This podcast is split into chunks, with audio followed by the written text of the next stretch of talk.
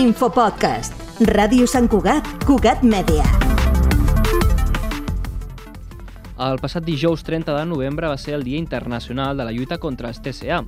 Cugat Mèdia va entrar a l'Hospital de Dia de la Mútua de Terrassa per conèixer de primera mà com tracten els professionals aquest trastorn i, a més, com una de les pacients diagnosticades està lluitant dia a dia per superar aquesta malaltia.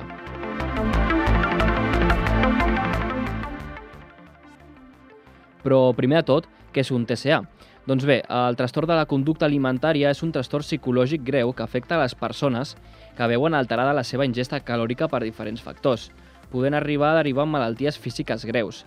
La pressió social i els canons de bellesa accentuats cada cop més per les xarxes socials són factors que provoquen l'aparició de malalties com l'anorèxia o la bulímia, un trastorn que afecta majoritàriament a dones i que recentment s'ha vist com s'ha ampliat la franja d'edat.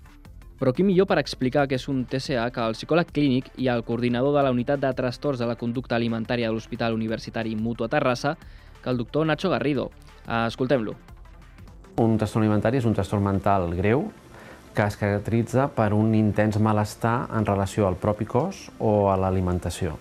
I finalment, aquest malestar es manifesta amb conductes alimentàries alterades, de vegades per un excés de control i altres vegades per una pèrdua de control sobre la conducta alimentària.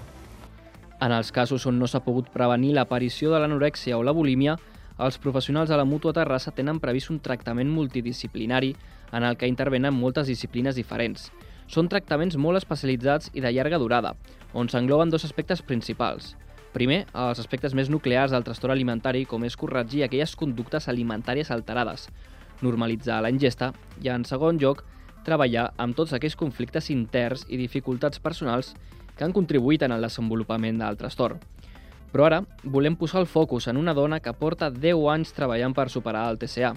Ella és la Gemma Bru, una terrassenca que ha explicat quan va ser el moment on tot va girar i va afrontar de cara al TCA. Tenia una caiguda bastant bèstia i jo adonar-me'n que em privava de moltes coses i que no estava disfrutant del meu dia a dia com ho podria disfrutar una altra persona. També, quan vaig prendre la consciència va ser quan vaig estar ingressada a planta, que llavors ja és tot el dia allà. Els tractaments al TCA han avançat molt, però des dels serveis mèdics es reclama més inversió per poder tenir més llits d'hospital i personal mèdic per poder lluitar contra el trastorn.